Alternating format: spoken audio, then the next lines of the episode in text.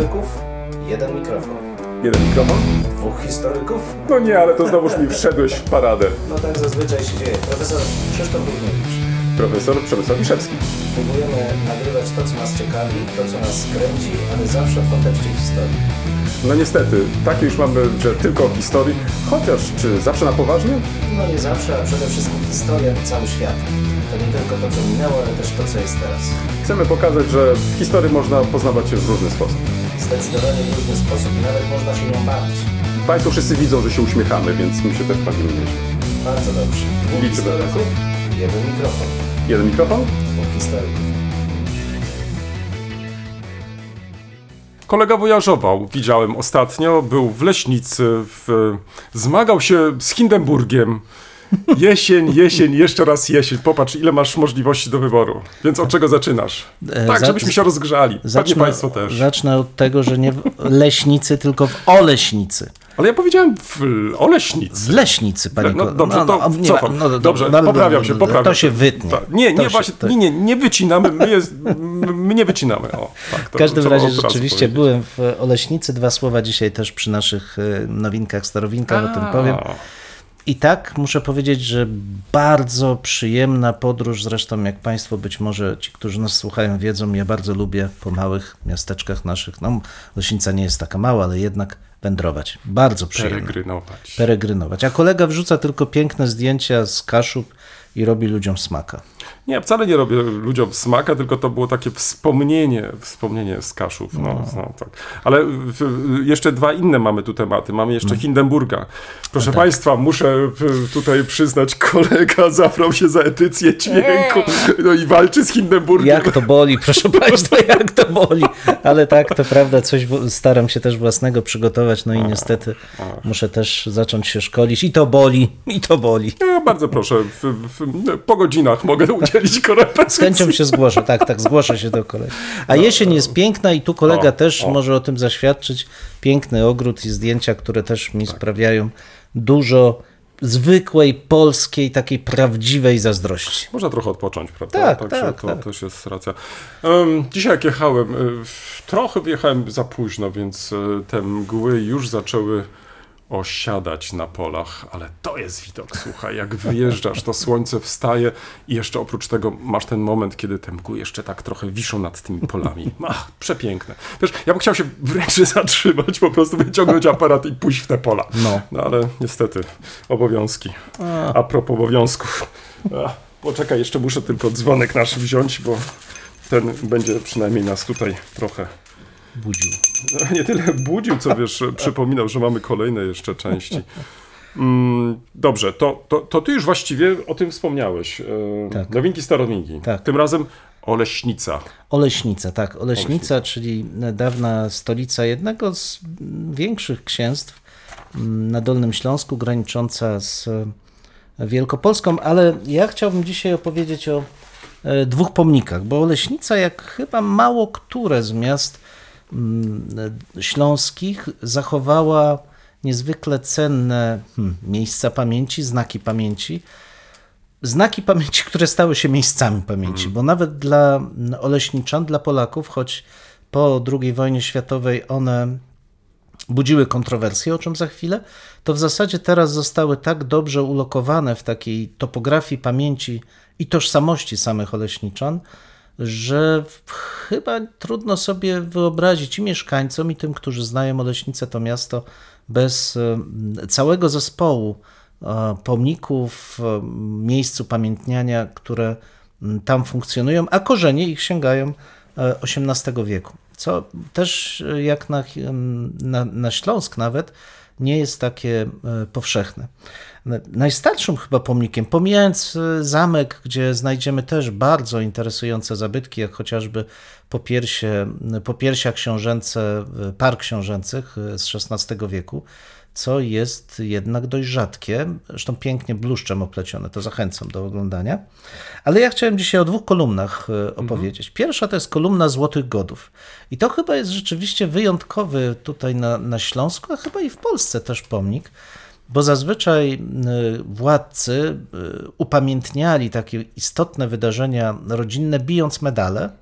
czasami też bijąc okazjonalne serie, serie mennicze, ale to medale były tym, co miało upamiętnić e, małżeństwo, czasami też oczywiście śmierć, narodziny synów, rocznice ślubów i tak.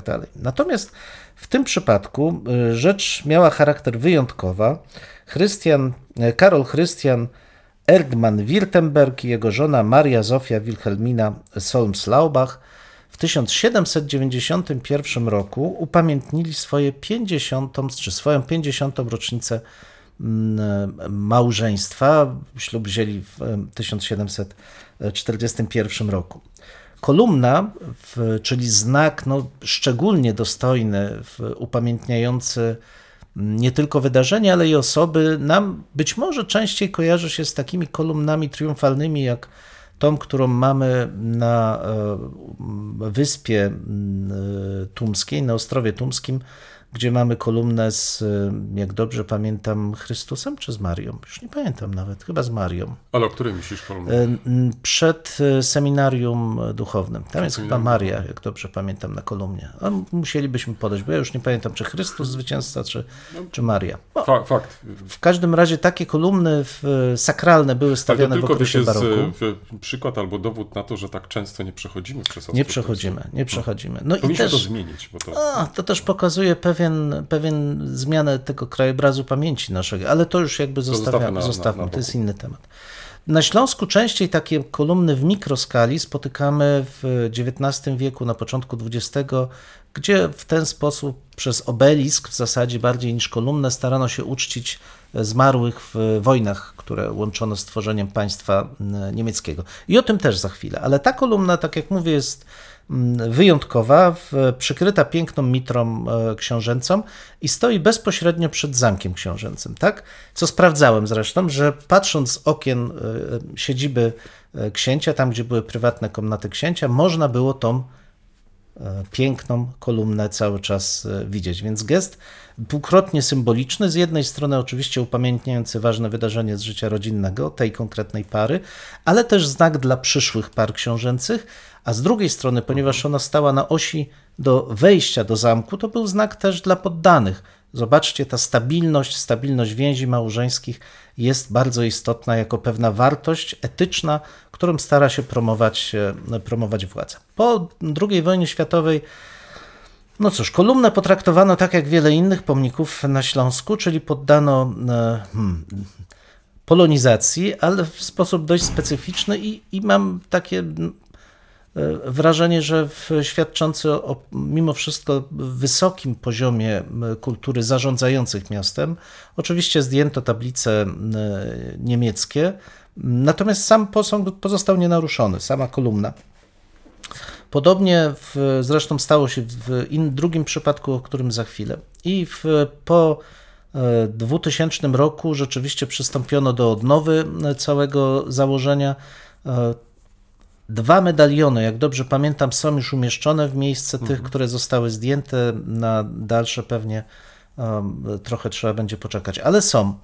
E, Piękna, piękny medalion z przedstawieniem księcia i księżnej odtworzony figuruje na, tej, na tym wyjątkowym e, zabytku. Ale drugi, o którym chciałem opowiedzieć, którego historia jest jeszcze chyba ciekawsza, choć mniej oryginalny sam z siebie, to e, dolnośląska e, Siegessäule, e, przedstawienie Nike bogini e, zwycięstwa e, na kolumnie stojącej przed ratuszem e, miejskim. To jak można się e, domyślać, jeden z wielu e, pomników, który został wystawiony dla uczczenia zwycięstwa e, Prus nad e, Francją. Nie było to takie jednak powszechne na Dolnym Śląsku.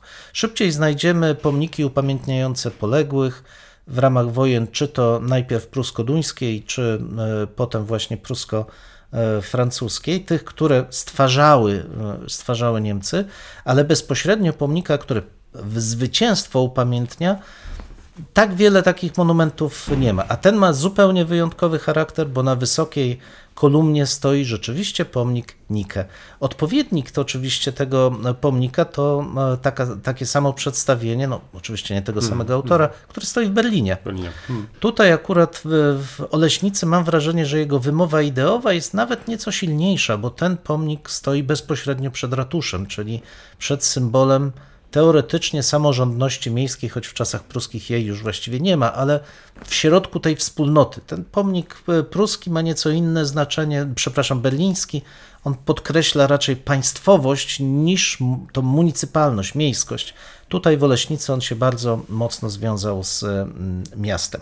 Ale tak jak mówię, pomnik ma swoje e, ciekawe dzieje, bo jego e, cokół z kolei zdoby, zdobiły też odpowiednie tablice, które podkreślały znaczenie e, historii Oleśnicy, jej związku e, z Niemczyzną, czy z e, tą historią niemiecką, może Niemczyzną nie, z historią, która miała silny akcent pruski, o tak bym powiedział. No nic więc dziwnego, że po 1945 roku te tablice zostały zdemontowane. Ale co ciekawe, e, w latach 60. zostały zastąpione przez nowe tablice, które trochę o rebur pokazywały tą historię, która była wcześniej przedstawiona. To znaczy pokazywały korzenie polskości i polską historię e, Oleśnicy. Po 1989 roku długo trwała dyskusja, co e, należy zrobić, to czy w jaki sposób zadbać o ten zabytek, czy przywrócić dawne tablice. No tu oczywiście był sprzeciw wielu osób, że przecież one akcentują niemiecki charakter, rocznicy i tak dalej, i tak dalej. Skończyło się, tak powiedziałbym, salomonowo, to znaczy zdjęto te tablice e, polskie, e, zastąpiono je tablicami bez żadnego napisu. I to jest rzecz do kolejnej dyskusji, to znaczy jak tą pamięć zachowywać, bo tu mamy do czynienia z takim trochę mm, salomonowym wyrokiem, który chyba nikogo nie zadowala. Tak, to znaczy tak. mamy niemą tablicę, bo te tablice jak... O, jak sobie no, przypominam, opisu tam dodatkowego nie ma, Nie ma, prawda? To nie ma. znaczy, który by w jakiś sposób e, był Tłumaczył, takim, no tak. właśnie, był takim Tak. e, rzacem dla, dla O tego, co ewentualnie chodzi. chcielibyśmy zobaczyć na O to pomniku. właśnie chodzi. I to jest jakby chyba największy problem, bo w przypadku już tej kolumny Złotych Godów zainteresowana osoba może sobie zidentyfikować mniej więcej e, o co chodzi. Zresztą na samym zamku jeszcze odpowiednie informacje też znajdzie. Natomiast kolumna zwycięstwa jest tego pozbawiona i w zasadzie turysta przychodząc z zewnątrz może spojrzeć i co mu to powie. Tak, tak. Więc w, wydaje mi się, że to nie do końca szczęśliwe rozwiązanie, być może odpowiednie w tablice informacyjne, których dość dużo jest w Oleśnicy, co trzeba powiedzieć też, mogłyby tą sytuację, mogłyby tą sytuację zmienić, ale mówię, tu mam pewne zastrzeżenia. I kończąc już, bardzo ciekawy jest los samej e, bogini e, w Nike, która jest na tym, e, na tej kolumnie umieszczona. Otóż w 1983 roku w trakcie silnej wichury, ponieważ ten pomnik no, nie był konserwowany, mocowania zostały zerwane i pomnik spadł. Ten, to przedstawienie, ta rzeźba Nike spadła, sama kolumna się utrzymała, ale rzeźba, e, rzeźba spadła, rozbiła się, jak się podaje szczegółowo, na ponad 100 kawałków. Okej. Ale proszę Państwa, i to znowu mówię bardzo pozytywnie świadczy o, o tym, jak już wtedy, w latach 80. A był właśnie rok podchodzono. 83. Tak, 83. Jak podchodzono do tego dziedzictwa. Nikt tego nie zgarnął szufelką i nie wyrzucił do śmieci, ale pieczołowicie zebrano wszystkie e, fragmenty, e, posklejano, starano się je posklejać ze sobą i odlano nowy posąg. Ten nowy posąg postawiono na kolumnie, on do dzisiaj tam e, cały czas jest, a ten, tą rekonstrukcję wstawiono do istniejącego ówcześnie na zamku Muzeum Oleśnickiego. Dla mnie to jest bardzo symboliczne. To znaczy, mamy lata 80., e, 83, 89, to czas głębokiego kryzysu, także ustrojowego, tam wielu problemów gospodarczych, no, rozmaitych. A mimo to leśniczanie decydują się zadbać o coś, co mogłoby być przecież traktowane jako symbol niemieckiego rewizjonizmu, który trzeba, jeśli taka już jest okazja, to zgarnąć i postawić tam, no nie wiem, cokolwiek, ale na pewno nie Nikę. I nikt by pewnie nie krytykował I nikt by pewnie tego Tak, nie krytykował za bardzo. Tymczasem to środowisko lokalne jest już tak bardzo przesiąknięte ideą wagi tego dziedzictwa kulturowego Oleśnicy ponadnarodowo, można powiedzieć, właśnie humanistycznie, ludzko, że doceniając e, znaczenie tych e, zabytków oleśnickich, walczy o to, aby jednak ta Nika stanęła, co zresztą udaje się dopiero w 1989 roku, ale zadba się o to dużo, e, dużo wcześniej. Więc ja jestem pod ogromnym wrażeniem, bardzo lubię od lat Oleśnicę, widzę jak pięknieje i te dwa zabytki dla mnie są też ogromnego znaczenia. Tu świetnie, że zwróciłeś uwagę na to, jak zwracano mm, uwagę na ten problem dziedzictwa poniemieckiego przed rokiem 89, bo myślę, że często mm, jakoś tak fiksujemy się y, w dyskusjach na tym, co było po, pokazując, y, co się zmieniało, ale przecież i przed 89 roku, zwłaszcza w latach 80., odbywały się już dyskusje, jak się z tym obchodzimy, jak powinniśmy się obchodzić i w, także te środowiska lokalne odgrywały w tej dyskusji bardzo dużą rolę. To, na co może warto zwrócić uwagę, jest jeszcze inna różnica między Berlinem a Oleśnicą. O ile ten pomnik w Berlinie przeniesiono, przestawiono, no to w Oleśnicy chyba nie. On Nie, stoi w tak, tym miejscu, czas. w którym go tam postawiono. Tak więc to jeszcze dodatkowo jest e, okazja, żeby coś więcej napisać na, Mhm. na ten temat i pokazać te związki, tak jak na przykład e, we Wrocławiu mamy przepiękny związek e, Bonhoeffera z tym Bonhoefferem w Berlinie i Mhm. dzięki temu, tak jak zresztą kapitalnie pokazałeś, e, można wykorzystać przestrzeń miasta Mhm. i to, co w tej przestrzeni odkrywamy na nowo, tak, na nowo właściwie odkrywamy i w jaki sposób akceptujemy i adoptujemy też na nasze dzisiejsze potrzeby, że e, szukanie takich e, związków, e, szukanie takich zestawień jest frapujące. To po prostu pokazuje, że, że te przestrzenie, one nie były zamknięte, tylko wręcz odwrotnie, dzięki właśnie tym nawiązaniom można było stworzyć nowe relacje, I dzięki temu to pokazywało, że, że te miasta funkcjonowały także i z tego punktu widzenia. Właśnie e, kiedy uwzględniamy przestrzeń jako taką. No, wydaje mi się, że to jest bardzo fajny, fajny przykład i, i, i też okazja do tego, żeby takie związki szukać.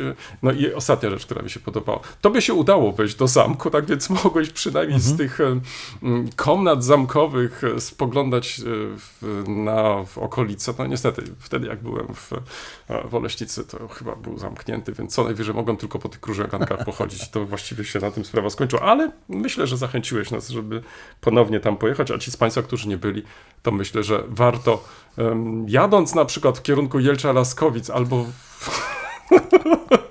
zboczyć trochę z trasy głównej i... Albo nie, to umówmy się, no, no, no dobrze, no, do, do, do, do, metropolitarnego Wrocławia, no, no, jak ktoś będzie jechać, no to może spokojnie zatrzymać się na chwilę i no właśnie te miejsca sobie obejrzeć. Jeśli chodzi z kolei o moją nowinkę, starowinkę, to tym razem ja będę trochę może się skracać. Otóż pretekstem do przedstawienia tej mojej nowinki, starowinki jest wystawa, którą y, za kilka dni otworzymy, znanego mm, polskiego grafika i malarza Wiesława Smętka. Pod wspólnym tytułem, no zaraz ci ten tytuł podam, e, Historia w okładkach, ilustracje polsko-niemieckie 1992-2022. Być może część z Państwa mm, widziała już publikację Centrum, to od kilku lat e, autorem okładek do naszych publikacji jest wspomniany Wiesław Smętek. Ale być może część z Państwa bardziej kojarzy tego mm, autora tego artystę z okładkami magazynu polsko-niemieckiego Dialog i faktycznie na wystawie, e, którą będziemy prezentować za kilka dni w wieży matematycznej, tak na marginesie, wystawa będzie w, trwać przez miesiąc, tak więc przez miesiąc będziecie mogli Państwo, jeżeli uznacie, że e, macie chwilę czasu i chcecie w, w, zwrócić uwagę na te prace artysty, to już teraz zapraszam. Przez miesiąc można je oglądać w wieży matematycznej. W każdym razie mm, wśród wielu p- tych e, prac em, Wiesława Smętka znajduje się jedna, która, nie ukrywam, jest takim nie tylko dobrym wstępem, ale też chyba tak jak w soczewce, no, skupia po prostu to, co w tych pracach Smętka jest e, najważniejsze, to znaczy pewną przewrotność, pewien humor, e, ale też e, jak najbardziej powaga, to znaczy też em, wiedza lub też fakt, że relacje polsko-niemieckie są ważne, że one e, w, opierają się na, na dialogu i mimo, że autor wielokrotnie postrzega te, te relacje, mm, ale nie tylko przecież zajmuje się relacjami polsko-niemieckimi, czyli- generalnie problematyką europejską jako taką, to e, widzi, że mm, można to jednak robić e, z dużym dystansem, także do siebie jako do artysty, ale także i do problematyki, którą się zajmuje, więc często te prace Smętka są no, dla nas jednak, jakby nie patrzeć, em, bardzo trudnymi w, w odbiorze, bo zmusza nas wręcz e, tak do bólu, ażeby nie przechodzić obok nich obojętnie. To znaczy, tak jak kiedyś David Lowe powiedział, ten znany karykaturzysta, że obraz potrafi mówić więcej niż e, tysiąc słów, tak e, jak najbardziej dotyczy to także i w, w naszego artysty. Ja już opowiadam, opowiadam, pewnie więcej powiedziałem niż te 10 tysięcy, a, tysiąc albo 10 tysięcy, a są różne wersje e, tak na marginesie. Nieważne, niezależnie od tego, faktycznie mm, poprzez obraz e, zmusza nas e, do refleksji, do zastanowienia. I jeden z takich właśnie obrazów, myślę, że mm, z pewnością zwróci szczególną uwagę. Mm, Pretekstem do tego były wybory w Niemczech w 1994 roku i Wiesław Smentek przygotował dla mm, poczytnego tygodnika Stern okładkę. Okładkę, która chyba po raz pierwszy po raz ostatni, to musiałbym go zapytać też. Była to okładka dwustronna, to znaczy wykorzystał obraz Jana Matejki, Bitwa pod Grunwaldem i w, w, wpisał w, w postaci, które wtedy były przedstawione, em, konkretne postacie z roku 84. Proszę Państwa, to co wyszło, to musicie zobaczyć. To znaczy, no, no mistrzostwo wręcz. To znaczy, jak można nadać e, staremu, obra, staremu obrazowi, tak, nowe życie. To znaczy, przypomnę tylko, Bitwa pod Grunwaldem powstała w 1878 roku. Dzieło, to tylko już przypomnę dla porządku Jana Matejki, jest wystawiane w Muzeum Narodowym w Warszawie. No i właśnie e, ten obraz posłużył e, Wiesławowi Smętkowi za mm, e, podkład do przedstawienia tego, co się działo w Niemczech w roku e, 94. To, że nie tylko mnie się ten obraz podoba, nie tylko wielu czytelnikom się ten obraz spodobał, em, możemy przekonać się też mm, po tym, że Wiesław Smentek w 95 roku otrzymał złoty medal mm, na ADAC Deutschland e, w 95 roku. Mm, Będziemy eksponować ten obraz. Musisz zobaczyć ten obraz, to jest e, mm, wielkoformatowy, graficzny e, obraz e, albo nowej wersji Bitwy pod Grunwaldem, którą prezentuje nam e, Wiesław Smentek. Chyba wymiary 1,20 m na 2,5 metra. Także jest to największy obraz faktycznie, który będzie prezentowany na tej wystawie, ale oprócz tego znajdziecie Państwo także i inne mm, prace e, Wiesława Smentka. To są nie tylko okładki do książek, ale także i jego prace pozostałe graficzne czy też malarskie. Są także prezentowane oryginały. Myślę, że spotka to się z Państwa zainteresowaniem, a to, czym interesuje się Wiesław Smentek w sposób często bardzo przewrotny, to naturalnie historia, bo też i o historii rozmawiamy.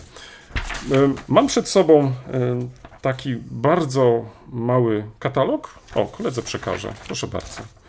Łącznie z autoportretem y, autora. Piękne. To z mojej strony tyle. Mam nadzieję, że zachęciłem do tego, żeby mm, obejrzeć tą wystawę. Tak więc wystawę, wystawa ta kierowana jest nie tylko do e, osób interesujących się historią, e, ale myślę także i do wszystkich tych, którzy zajmują się trochę grafiką, e, projektowaniem. Mm, Myślę, że znajdą coś e, dla siebie. Lektury, kolego. E, tak, y, y, Zwróćcie Państwo uwagę, kolega nie ma w ogóle Nie. żadnych fizycznych książek tak, tutaj na, dzisiaj na, nie. na. Powiem więcej, nawet o książkach dzisiaj nie będę mówił. O.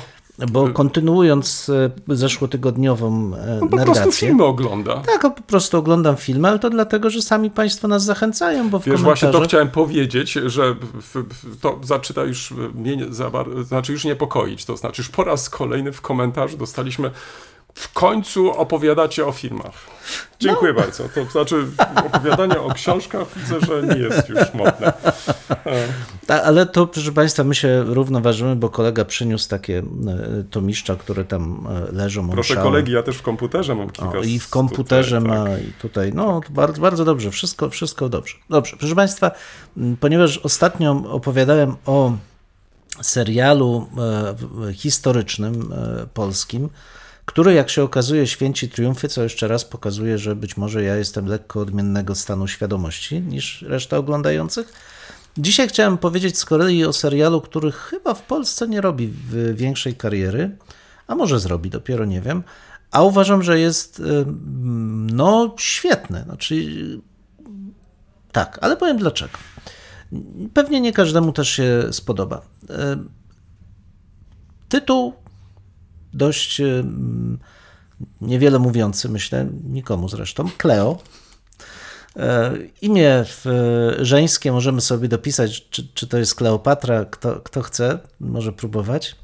Kleo e, w, jest jednak imieniem przypisanym do nazwiska e, głównej bohaterki, Kleo Straub, a serial opisuje e, sensacyjne perypetie mm, z 89 e, roku, ale też trochę mm, wcześniejsze, czy jest powiązany z latami nieco wcześniejszymi, e, w jednoczących się Niemczech.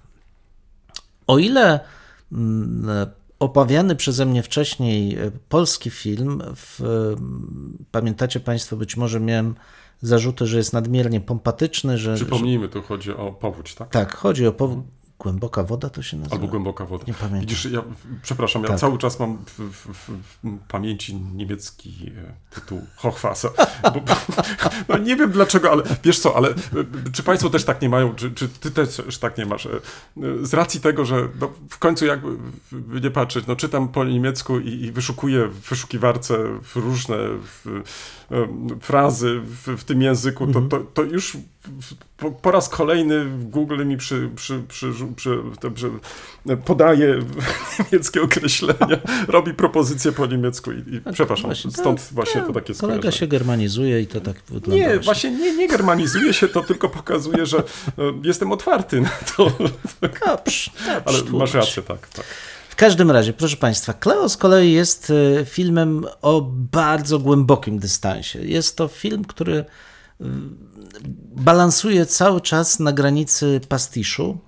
Em, Z jednej strony starając się przekazać w tym całym swoim dystansie chyba jedną z najistotniejszych bolączek e, współczesnego społeczeństwa niemieckiego, znaczy podziału dalej istniejącego między Ossi i Wessi, między tymi, którzy są wschodniakami i tymi, którzy pochodzą z dawnej m, RFN, z, dawnej, e, e, z dawnego zachodu. E, Różnica mentalności pokazana w tym, dwufilm, w tym filmie, w tych kilku odcinkach jest uderzająca. Oczywiście, że przejaskrawiona i oczywiście, że ten film jest e, filmem popkulturowym, co też bardzo mocno chciałem podkreślić. To, to nie jest żaden film dokumentalny. Wydarzenia historyczne odgrywają tu bardzo ważną rolę, ale one mają charakter mm, pe- pewnego sztafażu, w którym dzieje się komediowo, satyryczno, dramatyczne, dramatyczna, mm, dramatyczna akcja. Jest tu też cały komponent tego, czego chyba dzisiaj oczekuje się od filmów, jest więc silna postać kobieca, y, jest więc, jest więc brak zaufania do e, polityków, od razu powiem polityków obu, e, obu e, tych państw, NRD i RFN, i jest konflikt kulturowy, Zresztą bardzo ładnie jest też pokazana i wielokulturowość, i wieloetniczność zachodnich Niemczech i tak naprawdę dystans prawdziwych, w cudzysłowie, Niemców do tej wieloetniczności i wielokulturowości. Ma, masa wątków, które myślę, zwłaszcza dla Niemcoznawców byłyby ciekawe, ale Polakom ten aspekt satyryczno-sensacyjny nie powinien przesłaniać tego, że film ten, ten taki lekki sposób, ale niesie bardzo wiele pytań, bardzo wiele mm, elementów, których, z których my nie zdajemy sobie sprawy u naszego zachodniego sąsiada. Oglądałem z wielką przyjemnością mniej więcej do czwartego odcinka, potem od piątego odcinka już było to mniej e, mm, świeże. Widać, że jak, jak często to jest w tych serialach, scenarzyści zaczynają powoli tracić e, mm, pomysły na to, jak e, zakończyć w sposób oryginalny swoje dzieło. Ja bym powiedział, że jednak dość zaskakująco się kończy, nie rozczarowuje i pewnie czeka nas jeszcze druga, jeśli nie trzecia seria, bo wszystko w tym zakończeniu wskazuje, że tego, e, że, że są To gotowi są na cztery części, czy... Nie, chyba? 7 albo 8 Siedem, odcinków jest. Ale naprawdę przyogląda się to w, z dużą e, przyjemnością, tak jak mówię, dla osób, które znają realia niemieckie, pewnie jeszcze więcej smaczków drobnych można, e, można by z tego e, wyciągnąć.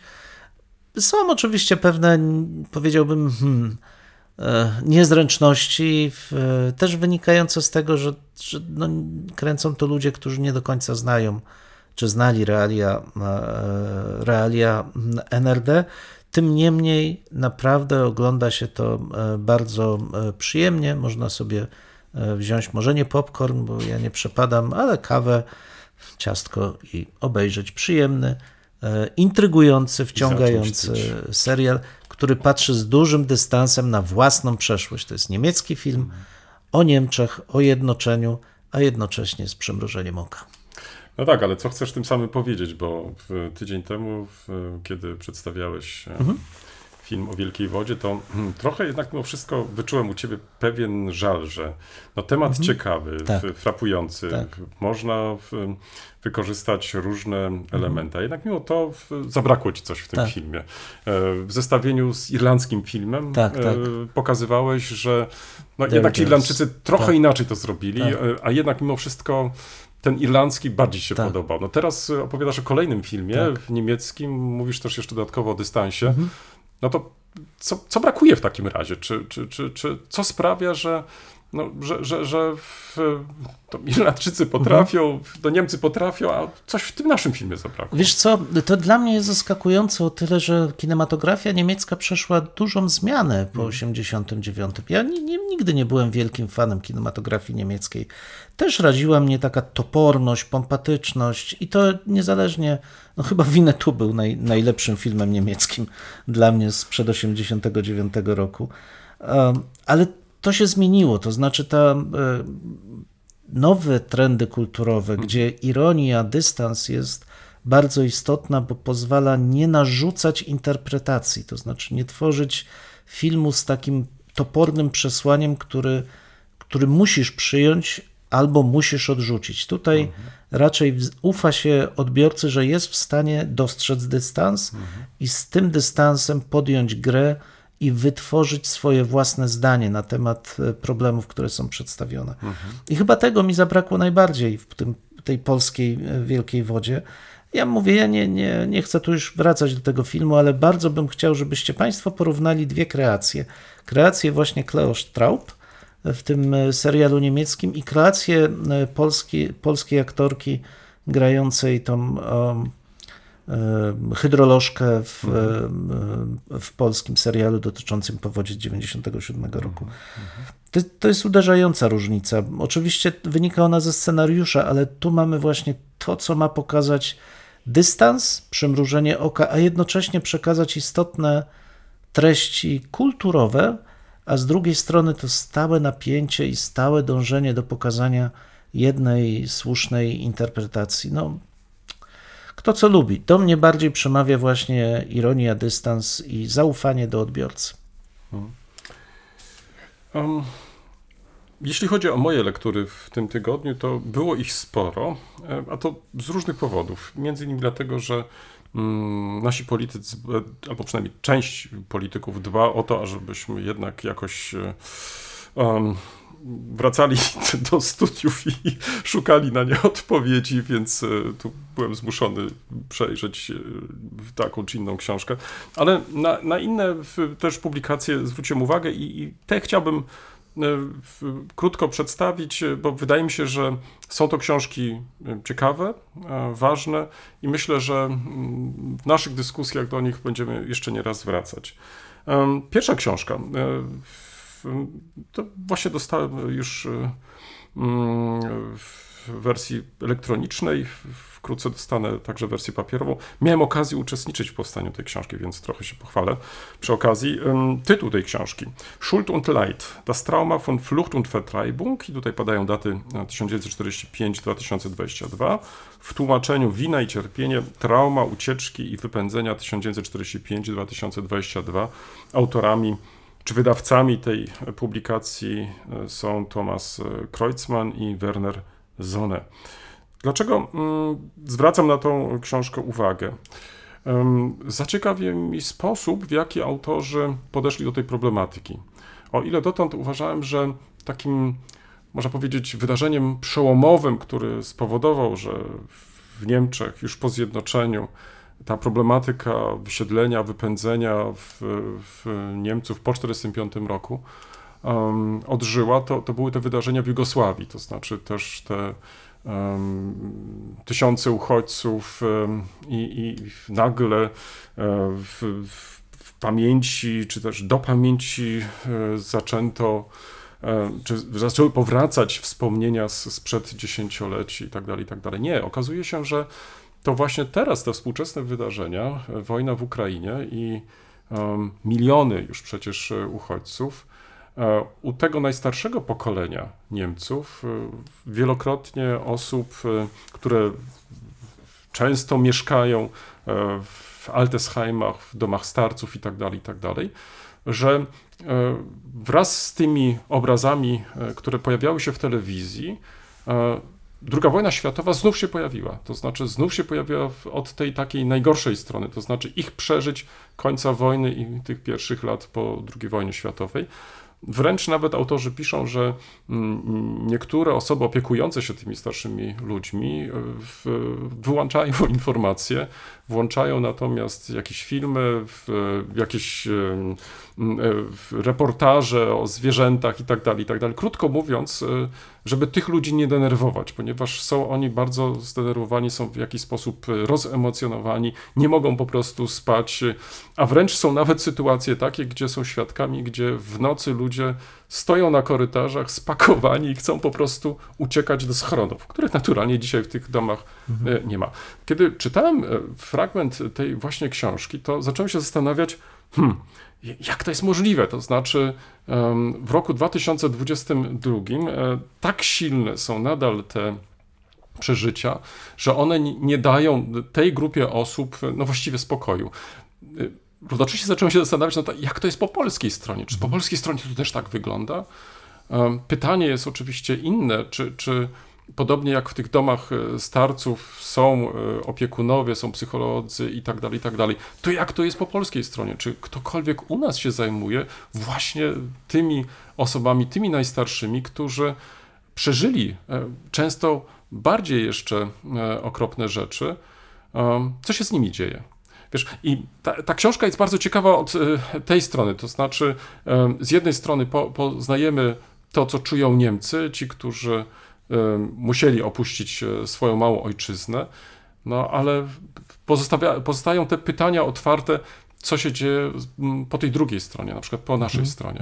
I tutaj, dlaczego wspomniałem o tym, e, faktycznie w, w, autorzy zaprosili mnie tutaj do współpracy, niektóre moje wypowiedzi są tutaj w tej książce zacytowane. Jedna z tych wypowiedzi, i tu w tym kontekście chcę ją przywołać, em, wywołała pewne zaskoczenie. Em, Ciekawe jest też to, czy ciekawe jest też to, jak, jak e, wprowadzili do tego mego, do tej mojej wypowiedzi autorzy. Mianowicie przywołali tutaj, że jestem e, pracownikiem naukowym, że otrzymałem takie czy inne ordery i, i e, staram się być takim pośrednikiem w tym dialogu polsko-niemieckim i tak dalej. To się wszystko zgadza. Ale teraz ta moja wypowiedź, to znaczy oni nie potrafili zrozumieć, że jednak dzisiaj mówienie takimi dużymi określeniami, że e, wypędzenie to była zbrodnia, że e, Niemcy cierpieli i tak dalej, bez zwrócenia uwagi na ten schemat e, przyczynowo-skutkowy, no jest dla mnie dzisiaj ahistoryczne. To znaczy, trudno jest zrozumieć generalnie przeszłość, II wojnę światową, losy, jeśli tylko się skoncentrujemy na losach obywateli polskich, bez e, uwzględnienia go tego schematu. Bo w, jednak, jakby nie patrzeć, jesteśmy tu chyba zgodni, że to, co nastąpiło potem, to są już tylko skutki. Tak. Ja wcale nie y, w, chcę tutaj polemizować, że także i pojedyncze osoby nie cierpiały, że e, działy się straszne rzeczy. To wszystko doskonale wiemy i to przecież opisujemy nie od dzisiaj. Ale jestem bardzo ostrożny, żeby traktować, e, czy też e, mm, używać e, takich ogólnych określeń dla mm, całych społeczności. Mnie się wydaje, że rzeczą ważniejszą chyba jest, i to chodziło mi tutaj, co chciałem przekazać obu autorom, że każdy przypadek jest osobny, że każdy przypadek trzeba po prostu z osobna rozpatrywać. No i to jest naturalnie możliwość, możliwe dla, dla nas historyków, ale pod, powinniśmy podchodzić jednak mimo wszystko z większym dystansem. I em, z tego też powodu w, książka ta, wydaje mi się, warta jest tego, żeby poświęcić jej więcej uwagi. Ona się składa z kilku części, ma wiele rozdziałów. Nie dotyczy tylko oczywiście tych mm, e, spraw współczesnych, bo to jest tak naprawdę tylko punkt wyjścia do, do rozważań autorów. Oni interesują się tym, jak ta problematyka w ogóle funkcjonuje w Niemczech, jak się o niej pamięta. Poświęcili sporo miejsca i czasu sporowi, który przecież w końcu do niedawna jeszcze toczył się w Niemczech o miejsce, gdzie ma być ta problematyka przedstawiona, to tylko e, przypomnę, Centrum Przeciwko Wypędzeniom i tak dalej, i tak dalej, by e, przejść później do ukazania historii, pokazać, e, jakie były losy Niemców w tej części Europy, ale co chcę podkreślić, to mm, autorzy tu starają się przywołać różne zdania, to znaczy w, w, nie narzucają nam jakiejś swojej wersji, tylko poprzez e, dotarcie do em, różnych generacji osób, to znaczy mamy tutaj i świadków wydarzeń, ale mamy także i naukowców e, polskich, niemieckich, innych, którzy z różnych perspektyw starają się ten problem przedstawić. Z tego też powodu wydaje mi się, że książka ta warta jest uwagi. I na koniec ta ostatnia część mm, podejmuje bardzo ciekawy temat, to znaczy jaka jest przyszłość tych organizacji mm, dotąd skupiających y, w tą grupę osób, czyli związków wypędzonych i tak dalej, i tak dalej. Z tego też powodu wydaje mi się, że y, warto do tej książki y, zajrzeć, warto się z nią zapoznać. Być może znajdzie się polski wydawca, który zechce tą publikację mm, wydać po polsku. Ja tylko przypomnę, zaraz oddaję Ci głos, tytuł y, tej książki Schuld und Leid, y, wina i cierpienie, trauma ucieczki i wypędzenia la- w latach 45-2022. No właśnie, to jest bardzo ciekawy temat. Ja jak kilka odcinków temu w, opowiadałem o wywiadach z osobami tutaj, głównie Polakami jednak, którzy przeżyli um, drugą wojnę e, światową i tam też ten motyw się przewija, to znaczy osoby, które w, albo już nie żyją, bo wywiadów udzieliły tuż przed śmiercią, albo e, są już w bardzo zaawansowanym wieku, podkreślają, że to cały czas e, z nimi jest. Znaczy to, to nie jest trauma, którą można zapomnieć, choć po, bezpośrednio po wojnie zrobiono dużo, żeby wyprzeć tą, ten, ten element, bo przecież trzeba żyć. No, to, to jest zawsze Wiesz, to jest ten, jeszcze ten, ciekawy ten fenomen, że e, o tych trudnych sprawach, nazwijmy tak w cudzysłowie, nie rozmawiało się z córkami, synami, tak. tylko z wnukami, Tak. z wnuczkami. No, bo to już jest inna perspektywa. Znaczy, wtedy możesz jakby bez Rodzice tego. pracują, tak to, to nawet w tej książce chodzi. pięknie Tak, to pokazano, tak, tak, rodzice tak. pracują. Natomiast wiesz, mnie zawsze w tej dyskusjach nad ym, ucieczką i wypędzeniem ym, brakuje jednego elementu, bo pomijając to, że przedstawia się to z perspektyw osobistych doznań tych osób, które z siłą rzeczy pokazują to, co dla nich jest istotne. My widzimy ten szerszy kontekst. Ale taka klisza, która często się pojawia, mówi o tym, że cywilna ludność została zmuszona do opuszczenia swoich. no, Wiadomo, że w tym momencie uruchamia się skojarzenie o osobach, które nie zawiniły niczym, a zostały Druga strona mówi, nie, no to są ci, którzy przecież głosowali na Hitlera, współpracowali, nie ma niewinnych w sytuacji, kiedy państwo totalitarne jest państwem zbrodni. Ale ja bym zwrócił na uwagę na jeszcze jedną rzecz, która gdzieś tam nam się rozmywa, że e, zdecydowana większość tych osób brała udział w wykorzystywaniu niewolniczej siły roboczej. Byli to Bauerzy, którzy korzystali z e, Polaków, ale też i z jeńców wojennych, Polaków, którzy przymusowo byli rekrutowani do pracy, bądź jeńców wojennych. To byli też fabrykanci, ale zwykli robotnicy, którzy kierowali brygadami e, jeńców, e, więźniów, którzy w licznych obozach na terenie Wrocławia czy mniejszych miast Dolnego Śląska mm, pracowali. I ja mam wrażenie, że z pamięci niemieckiej, tych osób, które musiały opuścić ziemie zachodnie, ten, ten motyw w ogóle zniknął. Znaczy, jeśli się pojawia, to raczej na zasadzie, a miałem dobrego kolegę, którego wspierałem, i potem, kiedy o, kiedy ja musiałem opuścić, to on mi też pomógł w trakcie tego wypędzenia, więc jakby zostają te takie miłe, w cudzysłowie, ale jednak pozytywne wspomnienia. Natomiast to, co było codziennością, a przecież wiemy doskonale, że tej miłości wiele nie było, w, w, zwłaszcza w miastach, inaczej może troszkę było na wsiach. To, to ten aspekt gdzieś, e, gdzieś ginie i wydaje mi się, że warto byłoby w ocenie tego, e, tej winy też pamiętać o tym, że, że- jest i druga strona. No, czy są ci, którzy brali udział i em, bez e, swojej zgody w obecności w czasie II wojny światowej na tych ziemiach niemieckich zachodnich. To już tylko y, może z racji takiej kronikarskiej y, wspomnę o dwóch jeszcze publikacjach, em, mając na uwadze też czasy, który upłynął. tak, tak. Em, To chcę Państwa przekonać do nowej publikacji naszego centrum, mianowicie mm, Józefa Garncarza. Zmienność upodobań o preferencjach filmowych Europejczyków w latach 1896-1939. Jest to książka przetłumaczona przez e, naszego kolegę, pracownika centrum, profesora Andrzeja Dębskiego.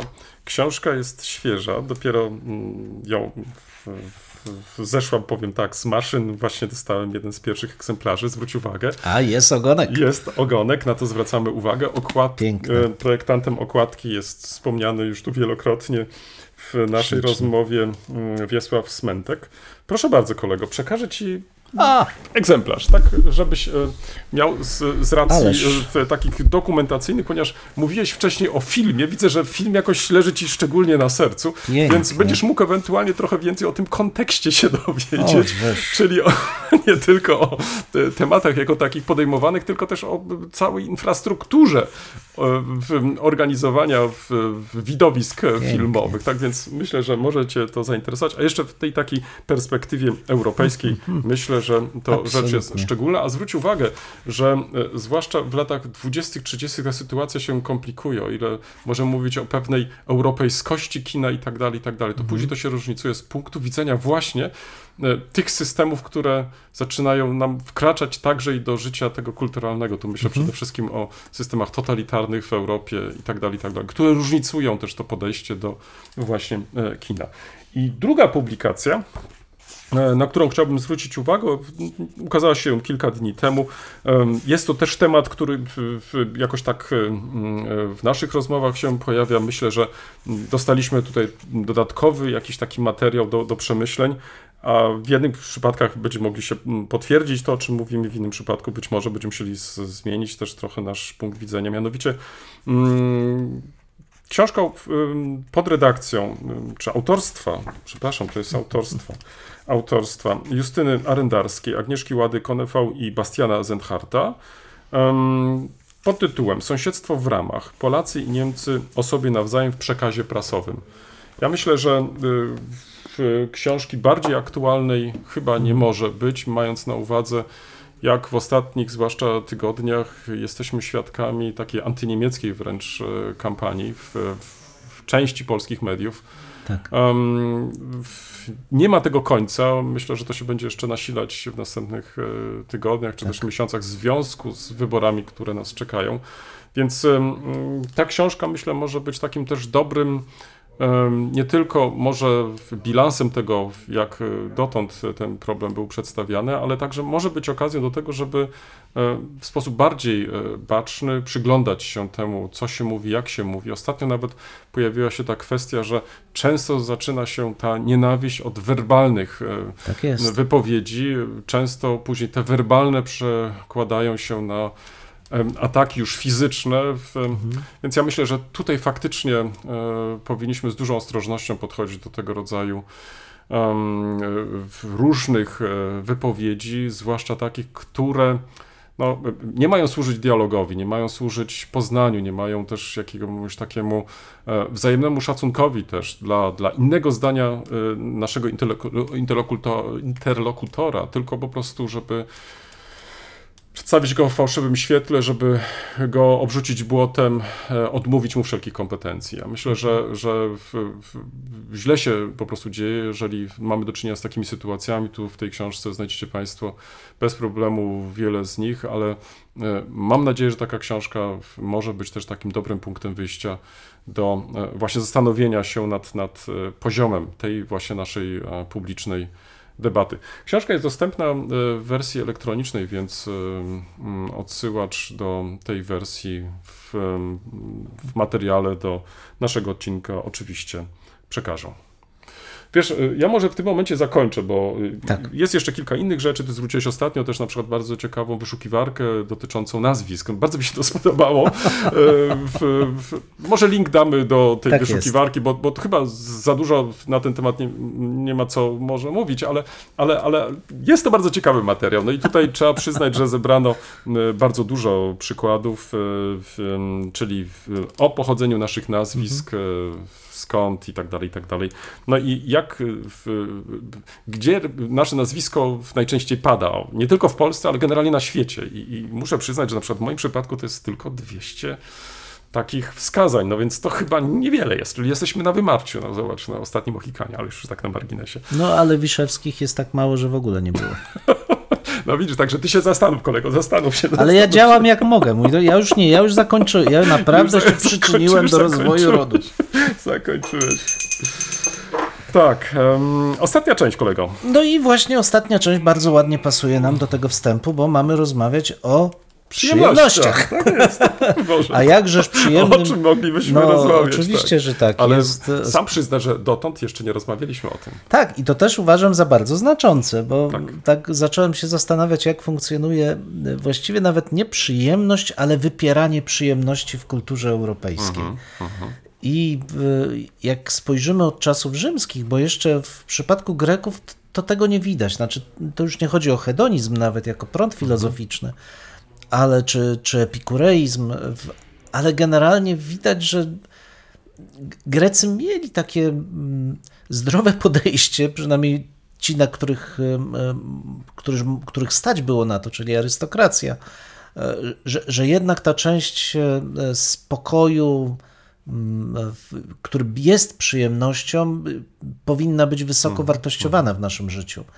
Natomiast już w przypadku Rzymian mamy do czynienia z inną koncepcją, jednak ta filozofia stoicka bardzo mocno akcentująca kwestię cnoty, bardzo mocno wskazująca, że najważniejsze jest wywiązywanie się z obowiązków, mm, róż, wobec różnie definiowanych, ale jednak wpisująca człowieka w pewien kontekst tego, co powinien zrobić, jak powinien działać, komu powinien e, swoją, e, swoją działalność poświęcić, była niezmiernie istotna, a te działania, które były mm, skoncentrowane na przyjemnościach, były traktowane podejrzliwie i wręcz e, potępiane.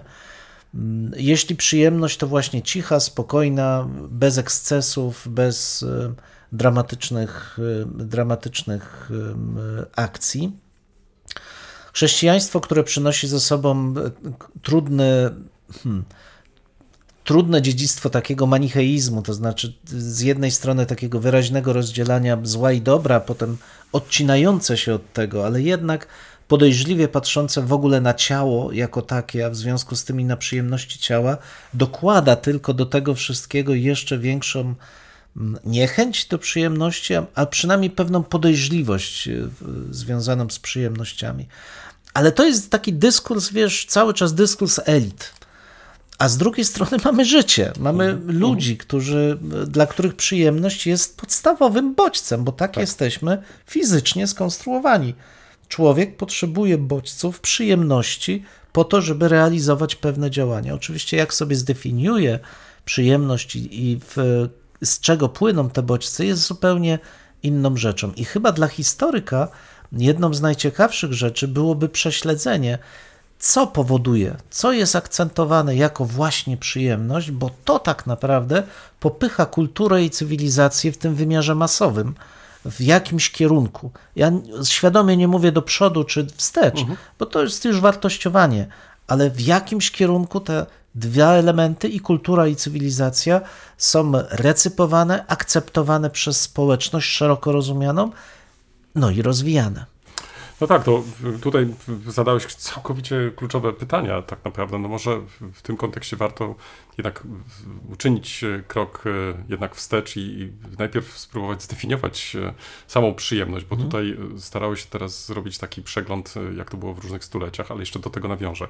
I tutaj ja znalazłem na przykład taką definicję, że podstawową wartość hedonistyczna o charakterze pozytywnym, będąca doświadczeniem zmysłowym o charakterze indywidualnym. I tutaj mm, co jest przeciwieństwem nieprzyjemności? No, myślę, że tutaj to chyba dla wszystkich jest jasne. I tutaj pojawia się taki element jeszcze dodatkowy, że przyjemność mogą y, zarówno odczuwać ludzie, jak i zwierzęta. Także zwróć uwagę, pojawia się nam też kolejny wątek, czyli nie tylko to, jak my postrzegamy em, przyjemność, tylko że przyjemność y, mogą odczuwać także i zwierzęta. Tak, więc tutaj może warto byłoby e, także i o tym pamiętać. Teraz mm, mamy różne źródła przyjemności.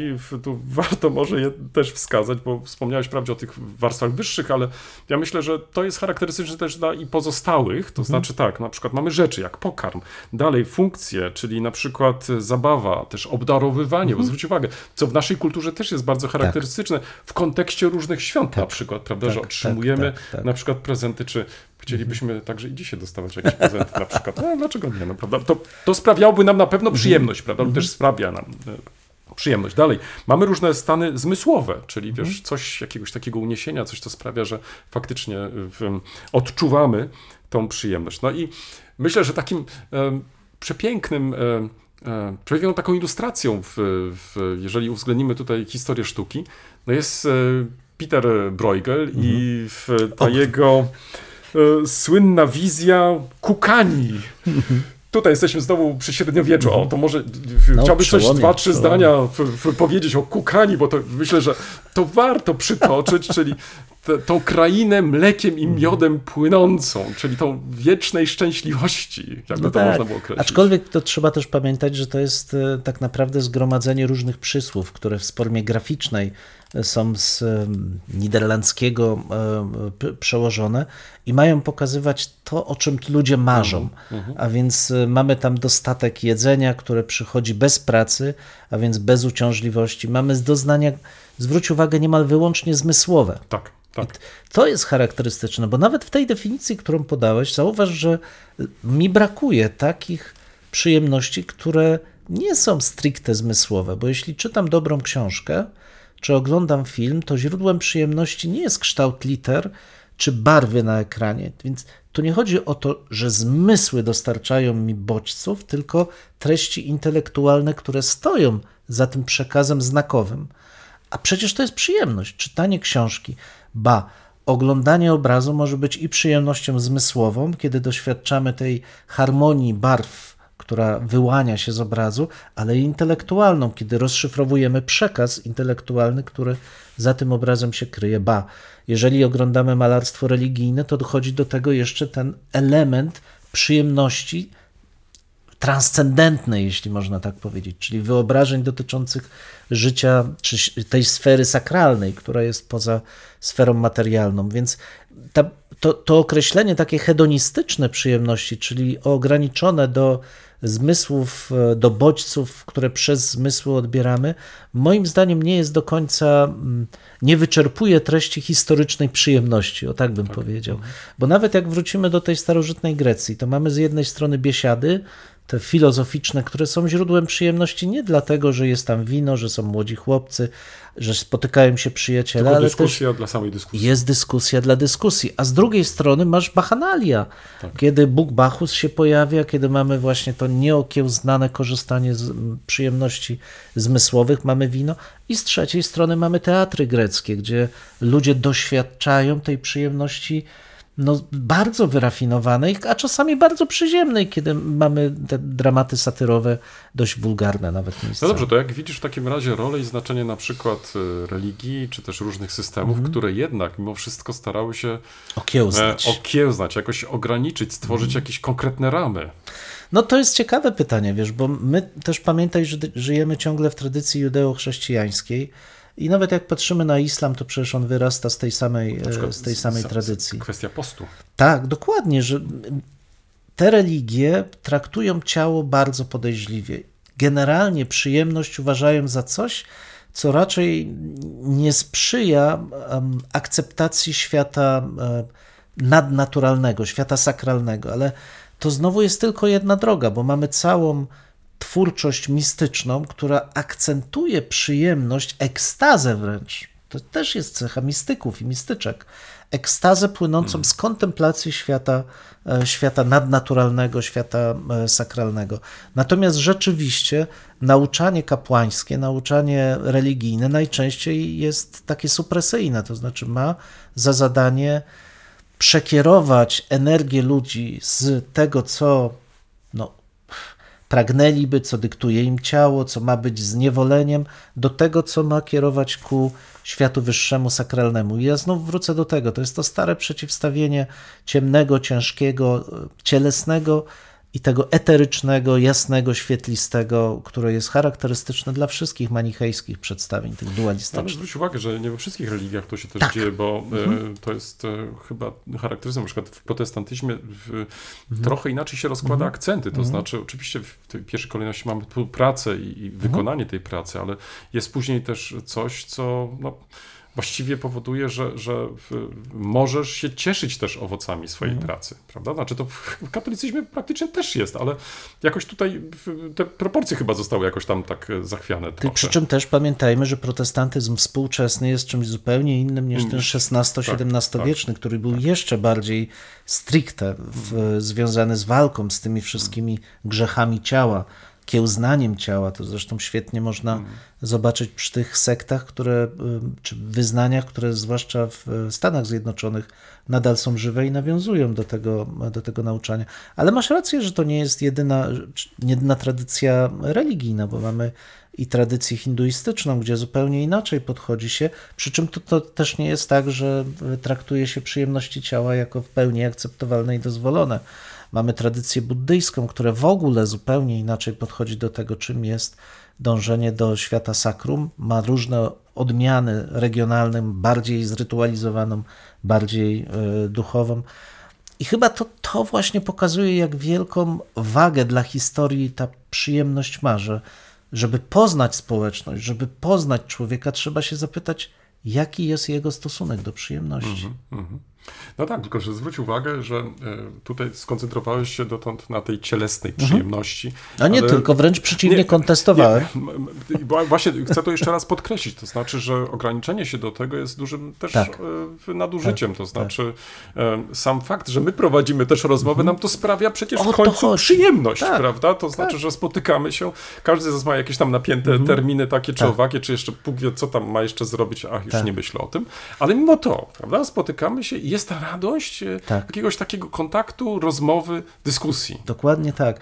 Ja wręcz bym powiedział, że jeśli chcemy zrozumieć jakąś e, kulturę, jakąś cywilizację, to musimy przyjrzeć się, co powoduje, że ludzie się cieszą, co powoduje, że dla ludzi to życie staje się znośne, bo no, nie ma co ukrywać. Człowiek rodzi się po to, żeby umrzeć, ale gdzieś pomiędzy tym znajduje szczęście. O to szczęście warto się pytać. Tym miejscu stawiamy kropkę, lub też jak to woli, kropkę nad i. No, mamy nadzieję, że to nie jest koniec, że to jest początek Waszych dyskusji. Mam nadzieję, że Was zaciekawi. Prosimy o komentowanie naszych em, zmagań z historią. Poniżej zdjęcia jest wystarczająco dużo miejsca. I pamiętajcie, nie regulujcie odbiorników. No my naprawdę tak brzmimy. E, tak, chociaż być może czasami e, może trzeba ściszyć. No może czasami ten nasz rekord by się przydało wyciąć nawet. Dwóch historyków, Jeden mikrofon, jeden mikrofon. historia. Dziękujemy.